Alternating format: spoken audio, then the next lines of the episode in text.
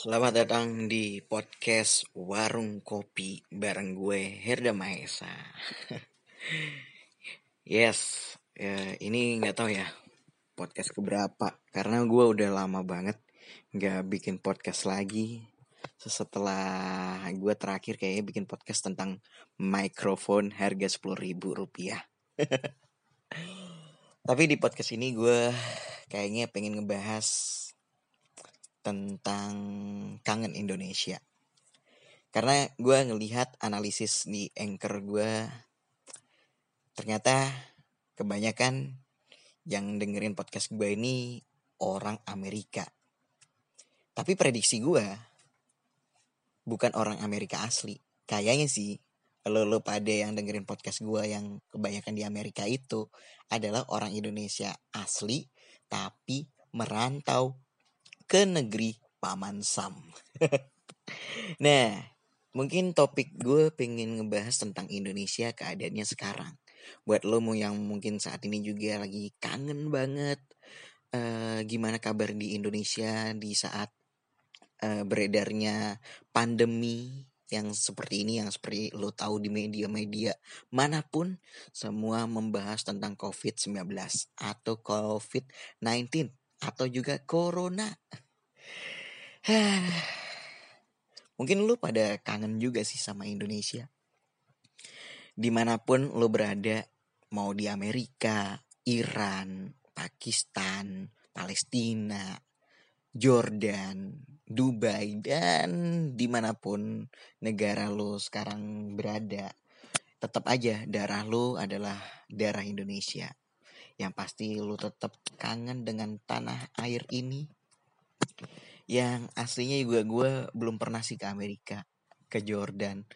Ataupun yang paling deket sendiri Malaysia gue belum pernah menyentuh sama sekali. Ya semoga aja sih setelah pandemi ini atau tahun depan entah kapan gue bisa berkunjung ke negara-negara tetangga bahkan dunia ya Oke, kembali ke topik. Gue pengen membahas dan mendeskripsikan gimana kondisi Indonesia sekarang. Nah, kalau sekarang nih di Indonesia banyak banget tentang berita-berita yang beredar uh, mulai dari ya kayak apa ya vlogger-vlogger yang memang viral karena perbuatannya yang tolol. Hmm, mungkin lu juga tahu sih tapi mungkin di daerah YouTube Amerika trendingnya nggak ngebahas itu ya. Nah di Indonesia ini lagi viral yang seperti itu itu trending untuk membahas topiknya. Terus apalagi ya? Uh, tentang dokter Tirta uh, live bareng Jerix SID yang ngebahas tentang uh, konspirasi. Itu juga lagi rame banget di Indonesia. Lagi hype hype-hype-nya. Terus kalau minggu ini yang lagi trending itu soal hashtag terserah. Jadi kalau di Indonesia ini memang ya orangnya lucu-lucu. Di mana segala pemerintah udah melarang untuk ya namanya uh, work from home, WFA, terus PSBB. Uh, ini buat lo yang mungkin ketinggalan beritanya tentang PSBB. PSBB itu sebuah singkatan uh, apa ya P-nya? Gue sedikit lupa sih. SBB-nya itu skala besar-besaran gitu deh. Apa ya? Ntar ya gue search ya. Sorry sorry. Gue search PSBB daripada lo juga ikutan mikir-mikir. Nah ketemu. Pembatasan sosial berskala besar-besaran. Ya yang ya nggak jauh dari istilah yang namanya lockdown cuman penyebutan PSBB ini kayaknya sebuah aturan yang karet banget gitu. Ya kamu tahu sendiri lah gimana negeri ini kalau misalkan memberi sebuah aturan-aturan selalu pengucapan atau ucapan tertulisnya itu yang bisa membuat orang tetap aja untuk melanggar tapi ketika diberikan hukuman masih bisa mengeles gitu. Itulah aturan-aturan di dalam PSBB itu. Salah satunya orang boleh keluar tapi dengan syarat e, untuk kebutuhan berbelanja rumah tangga. Nah, kata kunci yang dibuat eh, keluar dengan alasan kebutuhan rumah tangga itu dijadikan buat orang alasan-alasan yang di mana orang juga keluarnya nggak beli kebutuhan rumah tangga. Bisa aja dia beli barang sesuatu untuk menyesuaikan kebutuhan hobinya. Atau keluarnya hal yang nggak jelas. Uh, kayak me time makan di restoran atau ya jalan-jalan untuk menghibur diri gitu aja. Yang pada dasarnya itu semua kegiatan nggak diperbolehkan. Yang hanya diperbolehkan hanya berbelanja kebutuhan rumah tangga. Tapi itu dibikin sebuah alasan untuk menjadi ngeles. Gitu. Ya salah satu aturan karetnya yang di situ juga salah satunya ya, belum semuanya. Kalau gue sebutin semuanya, Waduh, bisa satu jam kali. Terus apa lagi ya yang lagi trending? Selain hashtag terserah. Um, ada juga sih uh, pembulian. Pembulian uh, kembali lagi. Lagi-lagi yang namanya kasus pembulian tuh kayaknya nggak ada henti-hentinya ya dari zaman dulu semua sebelum ada sosial media beredar. Kayaknya semenjak adanya sosial media ada pembulian ini semakin transparan semakin meroket saja korban-korbannya. Semakin banyak gitu kasus-kasusnya. Wow. Kalau yang lagi viral memang pembulian ini eh kalau gue lihat videonya ya ada anak kebut eh, berkebutuhan khusus yang sedang membantu orang tuanya untuk menjual risoles atau pastel juga gitu yang memang untuk mencari penghasilan. Tapi sering kali ini anak dengar-dengar katanya setiap mengantarkan atau sehabis pulang berjualan selalu dibully oleh segerombolan anak-anak yang memang tidak punya perasaan. Ya didorong sehingga masuk ke dalam selokan. Anak kecil itu ya mau nggak mau membalas. Semakin dia balas, malah semakin eh, diberikan pembalasan yang kurang ngajar banget gitu. Ya, itu adalah salah satu kasus yang lagi viral banget di Indonesia ya. Salah satunya pembulian itu di tengah-tengah wabah corona. Gue nggak tahu ya orang macam apa pikirannya membuli di saat ada wabah seperti ini. Gue tahu sih. Dari dulu bully itu sudah ada. Sampai-sampai yang namanya netizen Indonesia. Netizen, kelompok netizen Indonesia itu dikenal kalau ngebully men. Abis-abisan. Gak kenal ampun loh. Itu deh. Makanya itu dari sisi netizen ya yang di mana tidak ada batas untuk berbicara, tidak ada batas untuk uh, ber, berucap. Jadi seenaknya aja gitu. Sebenarnya bully itu bukan yang yang sakit bukan fisik, tapi perasaan. asli dibully fisik itu nggak sebanding dengan dibully perasaan perasaan malu perasaan terkucilkan perasaan sakit hati dan lain sebagainya. Mungkin dari orang yang menjadi korban pembulian yang punya mental baja mungkin dia bakal sukses. Tapi semisal si korban pembulian ini bermental ya memang perasaannya lemah lembut. Ya kan? Selalu dibully. Mungkin mereka ya kayaknya merengkel gitu deh. Hatinya kayak pengen mengeluapkan sesuatu tapi susah. Jatuhnya menjadi depresi bunuh diri ya gak?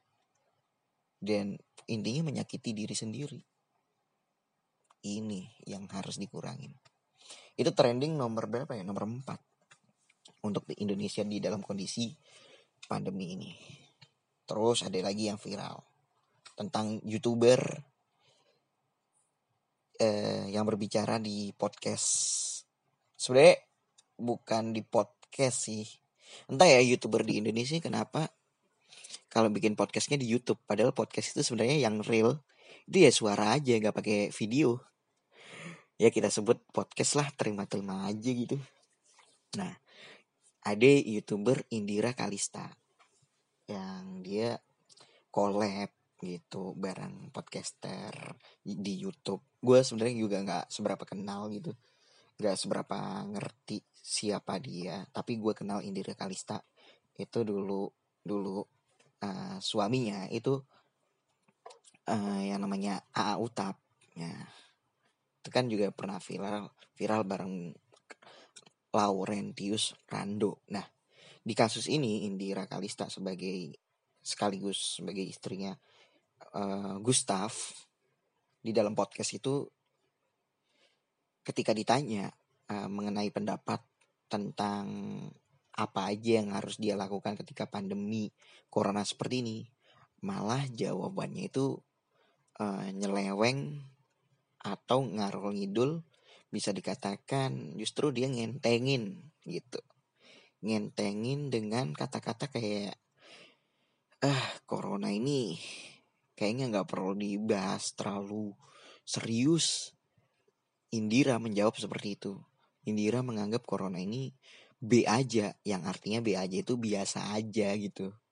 Kayak menganggap uh, virus corona ini kayak penyakit-penyakit biasa flu batuk pilek gitulah. Nah di dalam kasus ini sebenarnya udah udah Indira juga udah berminta maaf. Udah ngasih uh, pengakuan di uh, podcastnya juga dia di kombuser. Mungkin lu juga bisa tahu cek uh, podcast Deddy Kombuser terus tulis aja Deddy Kombuser dan Indira. Pasti ketemu tuh podcastnya. Nah itu. Jadi ada lima trending untuk di sosial media di minggu ini. Mungkin buat lo yang mungkin kangen dengan bagaimana sih kesemrautan masalah-masalah di Indonesia ya. Nah, di Indonesia itu lagi trending 5 ini. Kalau ngebahas tentang trending topiknya di tengah-tengah wabah corona. Tapi kalau misalkan lo yang tinggal di luar negeri gini ya, kangen dengan suasana-suasana Ramadan di Indonesia, bagaimana sih kalau di saat eh, di tengah-tengah kondisi corona kayak gini? Nah, itu dia. Seperti kembali yang di eh, gue bahas di trending tadi tentang trending di Twitter yang hashtag terserah itu. Nah, keadaan di Indonesia di saat tengah-tengah uh, kondisi wabah pandemi ini itu jujur ya kayak nggak ada yang peduli dengan yang namanya corona akhir-akhir ini setelah Hamin 7 gue lihat kayaknya di mall-mall tuh udah mulai padet semua tempat-tempat pasar toko pakaian toko handphone toko emas pegadaian semua nggak ada yang peduli. Nggak ada yang namanya aturan PSBB physical distancing social distancing. Bodoh amat. Nah kenapa di situlah hashtag terserah bisa muncul. Mungkin menurut gue ya karena dari dulu eh, orang-orang Indonesia itu terkenal santai makanya dikenal WKWK land gitu ya. ya artinya orang-orangnya memang santai nggak pedulian eh chill gitu ya mungkin ya itu kenapa masyarakat Indonesia kayak di tengah-tengah Ramadan di saat ada pandemi kayak begini tuh udah bodo amat gitu. Intinya tawakal aja, lupa sama ikhtiar. makin dikasih tahu, makin dablek. Bahkan makin dikasih tahu malah marah-marah. Itu yang lebih aneh. Aduh. Itu kondisi Indonesia sekarang di saat wabah corona. Hmm, kalau ngelihat sih kayak nggak ada nggak ada perubahan gitu kalau ngelihat orang-orang dagang gitu. Bedanya orang dagang tetap tapi mukanya pada kena masker semua. Itu aja bedanya. Sama orang-orangnya uh, lebih rajin tetap uh, banyak yang gue lihat sih uh, pada cuci tangan gitu. Terus tradisi kalau tiap lu masuk mall sekarang tuh semuanya di dites pakai termometer laser gitu. Eh itu aja, mall-mall tetap pada buka, tapi kebanyakan sih nutupnya sampai jam 8 ya. Jam 8 malam udah mulai tutup. Jadi buat uh, yang orang-orang misalkan nih dari Jawa mau keluar Jawa itu udah pada gak bisa. Memang aksesnya sudah ditutup. Tapi orang-orang antar provinsi di dalam Pulau Jawa kebanyakan masih bisa nyelunup-nyelunup untuk mudik. Cara mudiknya orang-orangnya gampang saja. Orang Indonesia kan kalau udah naik mobil itu udah nggak peduli kenyamanan. Santai aja mau mobil gerobak sampah juga tetap dinaikin. Ya, Bahkan ada mobil bawa angkutan sapi itu ada yang nyelundup masuk di dalam baknya untuk berusaha mudik sampai ke kampung halaman. Bayangkan kan? Senyantai itu masyarakat kita sampai sekarang. Mungkin yang membuat lo di luar negeri di mana negaranya negara yang sekarang lo tinggalin nih merasa kayak aduh kayaknya semuanya orangnya mudah dikontrol bijak-bijak pada taat aturan. Mungkin kamu lo semua juga bakal kangen tuh sama yang namanya aduh keras kepalanya orang Indonesia. Tidak pedulinya orang Indonesia. Sifat bodoh amatnya orang Indonesia. Pasti gue yakin lu pada kangen semua. Pokoknya intinya segala perbuatan uh, konyol-konyolnya orang Indonesia lu pasti kangenin. Kayak dagang di emperan, kejar-kejaran dengan Satpol PP. di Amerika mungkin jarang kayak begitu kan. Nah, karena jarang makanya gue bikin podcast gini pasti lu bakal kangen juga gimana sih keadaan orang-orang kayak kejar-kejaran sama Salpol PP kalau di Indonesia di tengah-tengah kondisi pandemi seperti ini? Udah jelas dong saat Pol PP-nya pastinya bawain gerobak-gerobak para pedagangnya kalau bandel. Mau itu gerobak masih ada isinya tetap diangkut ke atas truk Satpol PP tetap ada tradisi kayak gitu ya namanya mercon petasan tetap ada. Terus belum lagi tentang politik di Indonesia yang aduh hashtag terserah kembali gue ucapin deh. Ya yeah, gitulah. Jadi kayak semacam kan gini ya namanya PSBB sebenarnya itu masyarakatnya diberikan santunan setiap uh, sebulan sekali selama tiga bulan. Jadi PSBB ini kebanyakan dari hanya wilayah-wilayah tertentu saja.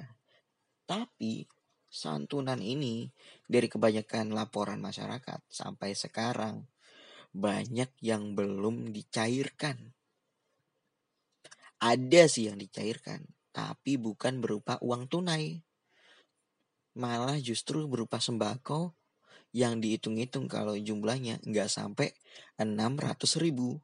Yang di mana aslinya santunan itu berupa uang cash sebesar 600 ribu per satu bulan per satu kakak. Bayangin, nerima 600 ribu aja udah kecil banget. Tapi yang diterima kenyataannya lebih kecil dari itu. Sangat menyakitkan sekali masyarakat miskin di Indonesia. Mungkin buat lo yang lagi jadi TKW, TKI di Amerika, di Arab, di Cina, di Hong Kong. Mungkin berasa pemerintah di sana kayaknya aman-aman gitu ya. Pasti lu bakal kangen tuh konyol-konyolnya pemerintah kita. ya seburuk-buruknya negara ini pasti lu tetap cinta ya. Karena kalau udah lu cinta sama negara sendiri itu gimana pun negara lu sekonyol sebejat apa pun negara lu udah deh yang namanya rasa sayang itu susah apalagi tanah air sendiri tanah air Indonesia di sini mungkin jiwa nasionalisme lu bakal sedikit bangkit kali ya setelah mendengarkan podcast gue sebenarnya bukan benci sama negaranya bukan benci sama orang-orangnya benci sama kelakuan-kelakuan yang uh, bikin gatel gitu ya. Tapi setelah ditinggalin kangen juga. Belum lagi makanan-makanannya. Buat lo yang mungkin yang orang Jawa. Kangen gudeg Jogja. Orang Surabaya. Kangen rujak cingurnya. Waduh. Yang jadi TKW TKI orang Bali. Kangen nasi betutunya. Aduh yang jadi orang Betawi tinggal di Amerika atau negeri mana pun kangen sama soto Betawi ya elah iya gak Hmm. Aduh. Benar-benar guys. Gue gue sebenarnya bukan TKI bukan TKW juga. Gue masih di Indonesia asli. Cuman gue pengen memberikan sedikit feel buat lo yang mungkin aduh kangen Indonesia nih. Kayaknya Indonesia gimana ya? Indonesia ini eh, unik gitu orang-orangnya budayanya gue akuin sendiri men kadang gue pernah berpikir aduh jadi pengen jadi pengen neg uh, pindah negara ke luar negaraan gitu. Tapi mikir lagi gitu ya. Kayaknya orang-orang yang tinggal di luar di Indonesia tapi dengan darah Indonesia kayak bakal rujuk kembali ingin menarik ucapan-ucapan itu yang awalnya lelah dengan uh, benci dengan negara ini. Kayaknya pengen rujuk atau pengen menarik ucapan itu yang sebelumnya pernah lo ucapin. Dan bermohon maaf gitu. Mungkin ada yang berharap juga andaikan orang-orang Indonesia sedisiplin kayak orang Singapura sedip eh, se eh, apa ya, istilahnya sedemokratis kayak orang Amerika. Wah. Di sini sih demokratis tetap hanya demokratis iya tapi itu hanya sebuah teori prakteknya enggak. Tetap di tahun 2020 ini teori demokratis itu masih ada prakteknya masih nol. Sekeras apa pun lo demo tetap yang berkuasa adalah sang penguasa. Iya, sampai di tahun 2020 ini masih lah yang namanya korupsi di tengah-tengah covid itu masih ada. Viral-viral korupsi itu nggak pernah hilang. Hmm.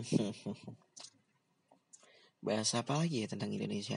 Mungkin lo bakal kangen uh, Surabaya. Nah sedikit gue tahu sih tentang media-media di Surabaya. Sekarang itu hmm, oh iya. Terakhir gue baca sih artikel di Instagram postingan di asli Surabaya. Sebuah akun Instagram khusus. Informasi-informasi Surabaya. Kemarin tuh Bu Khofifah mengeluarkan surat hmm, Pemprov untuk mengad memperbolehkan sholat id. Dan setelah surat itu turun beberapa minggu akhirnya dibatalkan itu sih yang lagi viral juga di Surabaya. Terus apa lagi ya? Hmm, yang Surabaya viral. Oh iya. Oke, banyak kan sih hal-hal ribut mulu ya. Yang happy-happy gitu. Indonesia yang lagi happy-happy di tengah COVID 2020 ini. COVID-19. Apa ya yang happy-happy ya? Bentar ya. Isi di otak gue kayak semuanya hal-hal buruk. yang happy-happy. Anjir. Pasti ada, pasti ada. Bentar. Yang happy-happy cari deh. Kira-kira apa ya?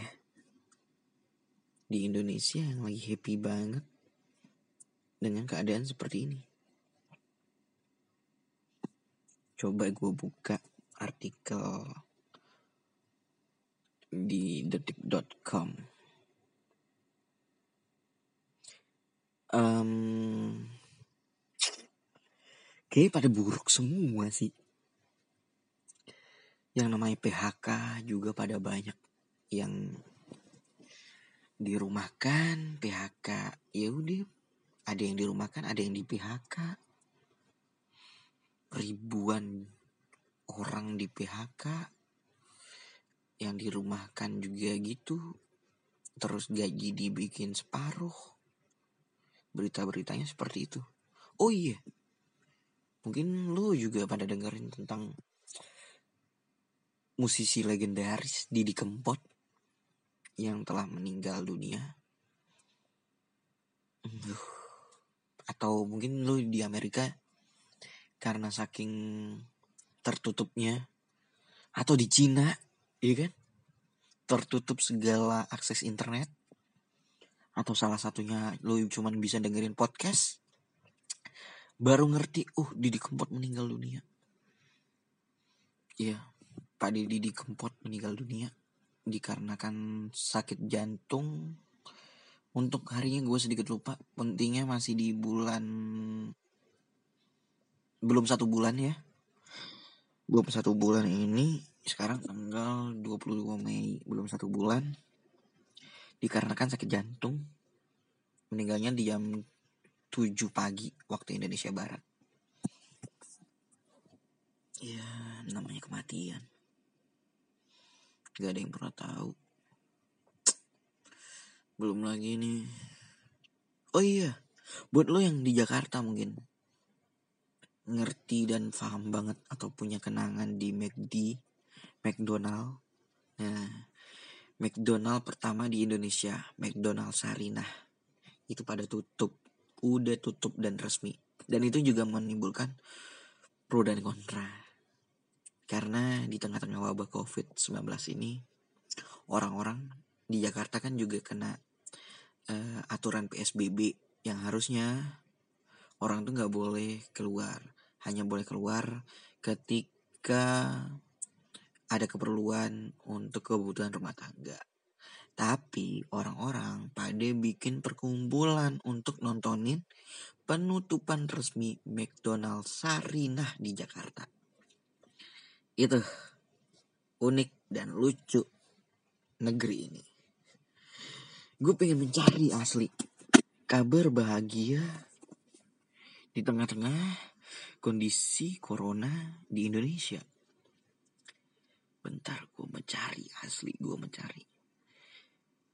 Karena semuanya berita-beritanya kalau di tengah corona begini ya, itu berita negatif semua. Berita sedih, gitu. berita menjengkelkan.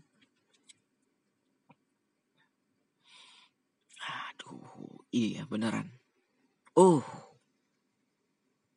oh oh oh oh oh oh oh apakah ini berita sedih atau menyenangkan gue nggak tahu mungkin sedikit uh, hiburan aja buat masyarakat Indonesia. Ini lagi viral juga tentang Oreo Oreo Supreme. Mungkin di Amerika atau di luar negeri sana udah pada biasa gitu. Sekarang tuh lagi ngetren ngetrennya pada youtuber bikin challenge merasakan Oreo Supreme. Yang kita tahu Supreme itu memang harga outfitnya mahal-mahal ya kalau gue cek juga nih oh iya yeah, uh, turut berduka cita juga uh, untuk aktor senior Hengki Solaiman yang meninggal dunia uh, pada hari Jumat 15 Mei 2020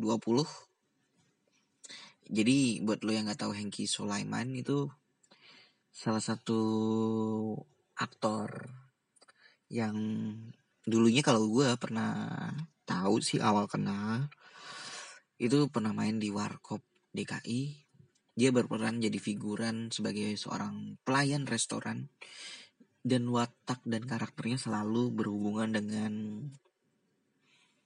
uh, orang yang campuran Tiongkok atau campuran Chinese gitu. Banyak sih artis-artis, aktor-aktor legendaris yang meninggalkan kita di tengah-tengah wabah corona ya. Glenn Fredly juga, aduh, yang memang sang maestro maestro ini pelan-pelan pada habis semua gitu.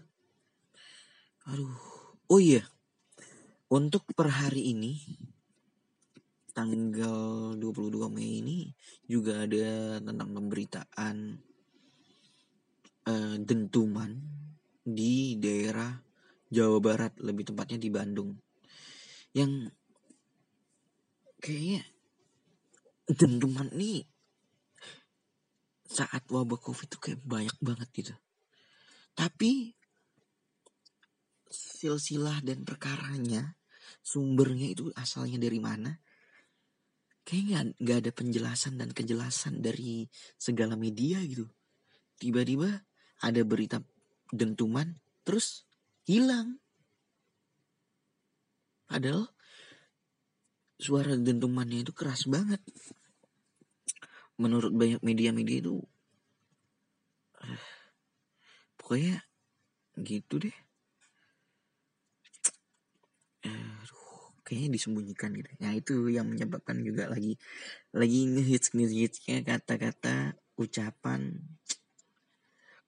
konspirasi itu dari situ silsilah konspirasi itu semakin viral apa-apa dikaitkan dengan konspirasi padahal ya mungkin satu alasan yang memang hal biasa itu tapi dikaitkan eh, seolah-olah konspirasi semuanya dikaitkan dengan corona ini adalah hal yang main-main gitu apalagi ya mungkin lu buat orang Indonesia asli ya memang kangen dengan suasana-suasana keributannya, keramaian di Indonesia, kebandelannya. Tapi juga lu kangen dengan makanan-makanannya. Kalau soal kuliner yang lagi viral di Indonesia itu dalgona coffee. Ya, mungkin kayaknya dalgona coffee viralnya seluruh dunia kali ya. Kalau gue pernah baca artikelnya tuh Dalgona Coffee karena drakor-drakor gitu deh. Drama Korea. Mm -mm. lagi ngetrennya Netflix sekarang gini. Kalau udah wabah corona begini mungkin di luar sana negara-negara lu singgahi itu juga juga lagi ngetren nontonin drakor gitu ya di Netflix atau VIU gitu maupun platform-platform lainnya. Terus untuk kondisi yang gue tempatin sekarang di kota gue, kalau corona itu ya kayaknya semua di Indonesia merasakan itu semua sih. Gak peduli ya, bodoh amatnya tentang corona. Bodoh amat sih bodoh amat. Tapi tetap sih masih ada uh, yang masih pakai masker yang bandel juga ada dan bandel-bandelnya pemerintahnya.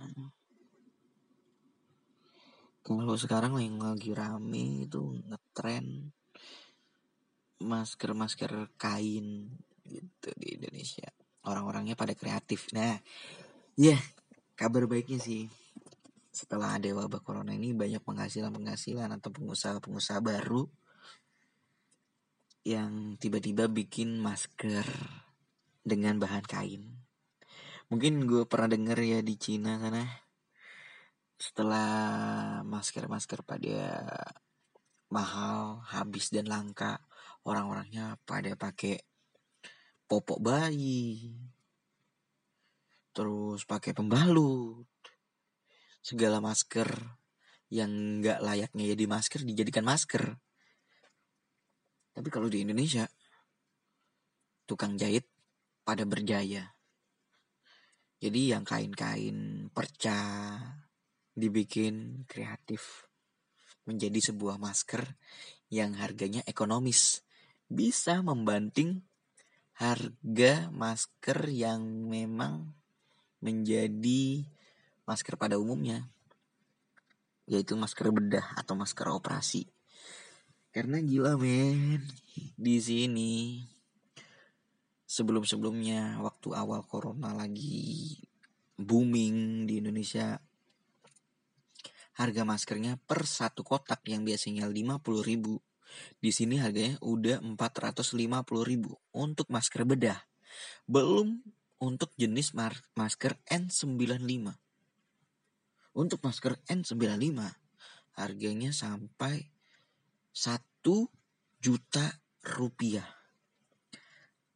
Isinya dalam satu kotak itu hanya 20 biji. Jadi dihitung-hitung satu biji masker N95 50 ribu.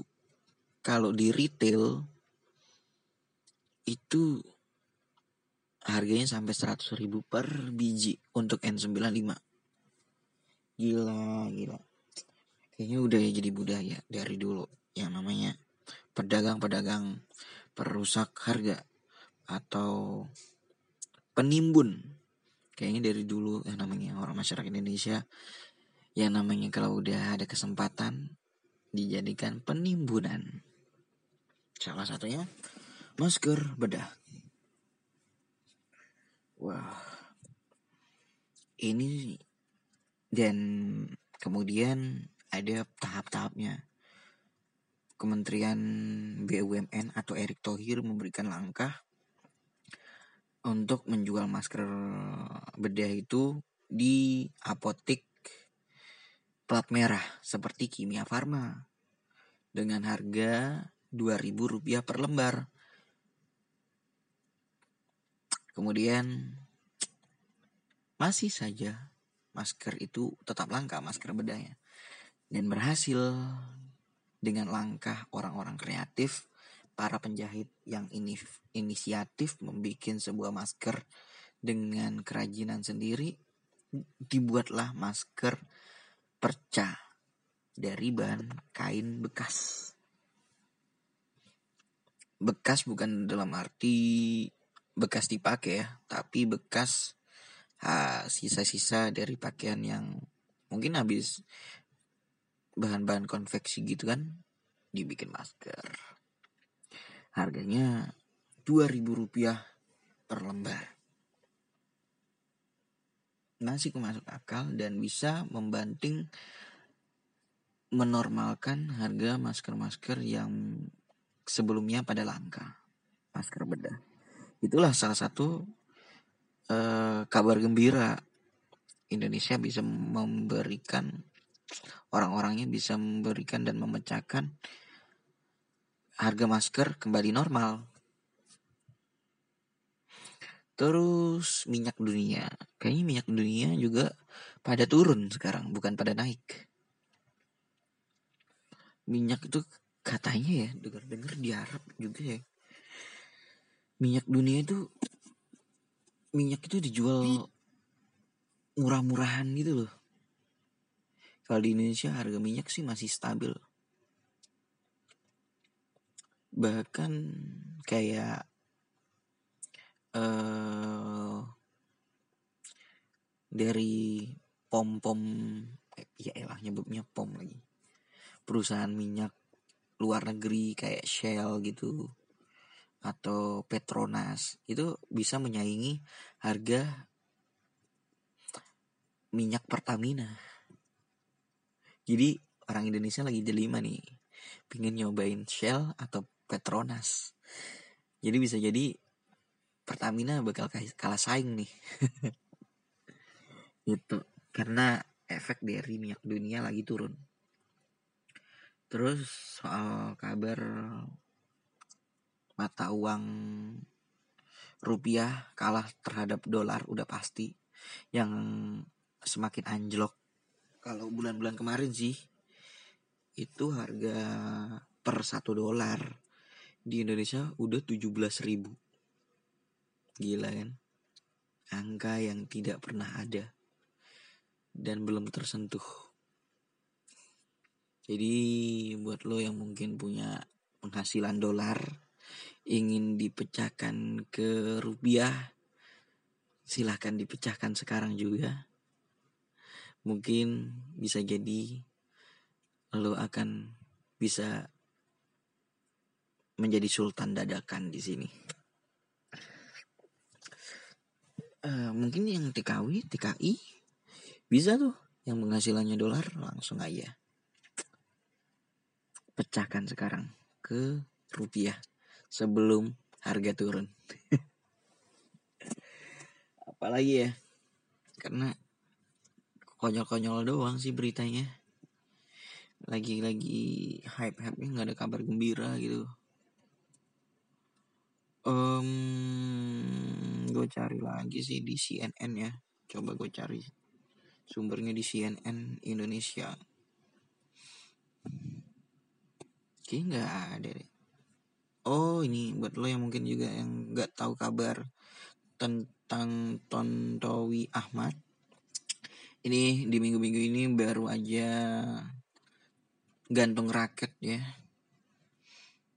Kita tahu eh, Tonti Tontowi Ahmad ini pernah menjuarai All England di tahun 2012 sampai 2014 bersama Nat Sirliana dan pada tahun 2016 juga berhasil merebutkan medali emas di Olimpiade dan digelar Indonesia juga pernah berhasil di Indonesian Open 2017 dan 2018 dan tahun ini Tontowi Ahmad akhirnya gantung raketnya untuk selamanya.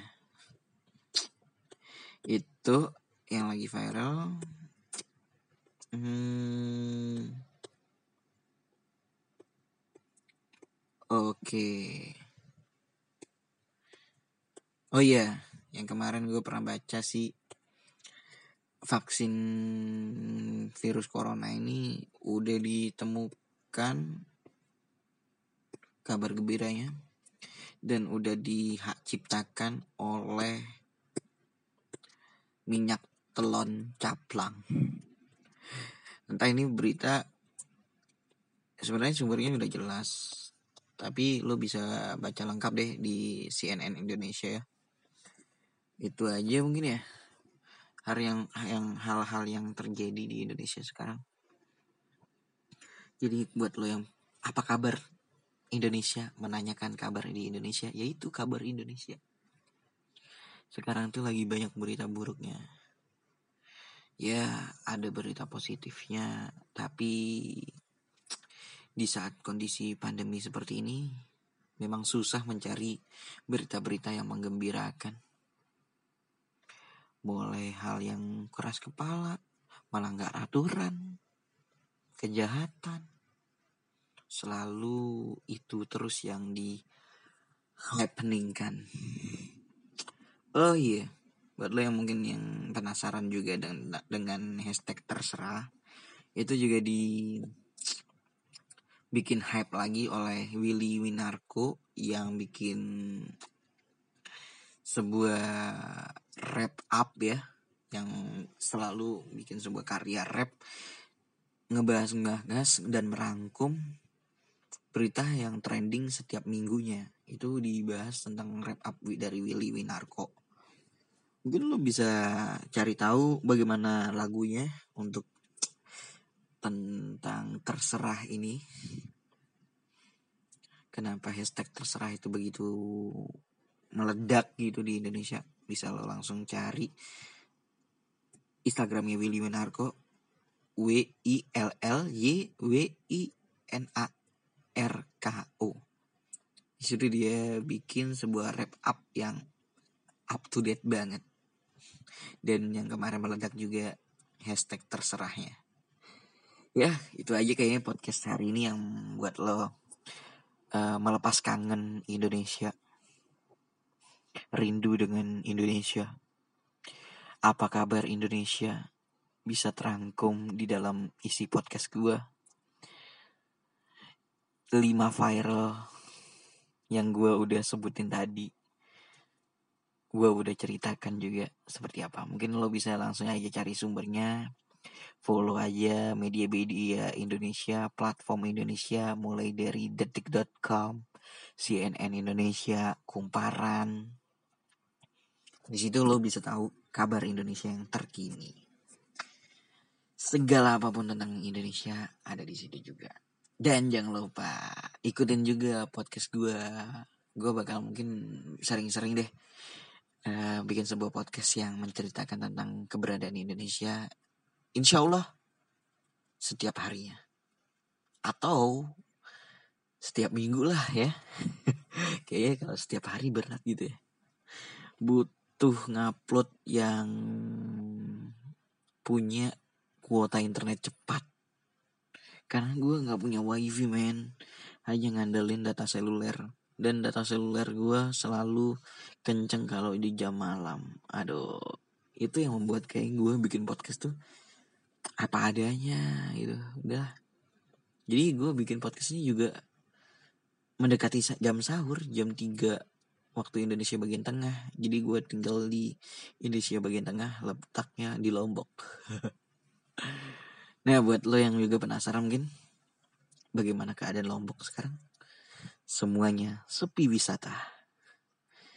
Tidak ada yang namanya pesawat berterbangan, nggak ada tuh. Karena semua bandara ditutup. Semua pelabuhan ditutup. Jadi gue juga terisolasi nggak bisa mudik ke Jawa. Orang Jawa nggak bisa mudik ke Bali. Orang Bali nggak bisa mudik ke Lombok. Orang Lombok nggak bisa mudik ke Jawa. Ah begitulah. Orang Papua nggak bisa mudik ke Jawa. Orang Jawa nggak bisa mudik ke Papua. Semuanya kayaknya. Mungkin buat lo yang jadi TKI TKW mungkin bisa pada uh, keluar antar kota masih bisa ya ada beberapa aturan pemerintah yang lo uh, bisa ikutin dengan bijaknya di sana gitu. Tapi kebijakannya berbeda dengan di Indonesia. Kalau di Indonesia kan antar kota aja udah nggak boleh mudik aslinya tuh. Tapi mungkin di sana kayak di Amerika dari Washington DC bisa ke California mungkin ya.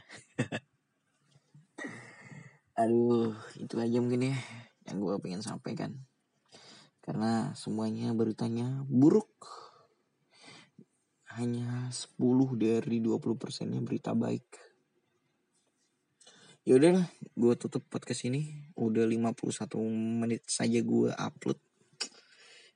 Uh, untuk durasi podcastnya nanti. Langsung aja lo dengerin ya. Uh, warung kopi dari Herda Maesa gue Herda Maesa pamit undur diri Wassalamualaikum warahmatullahi wabarakatuh. Sampai jumpa di podcast selanjutnya. Bye bye.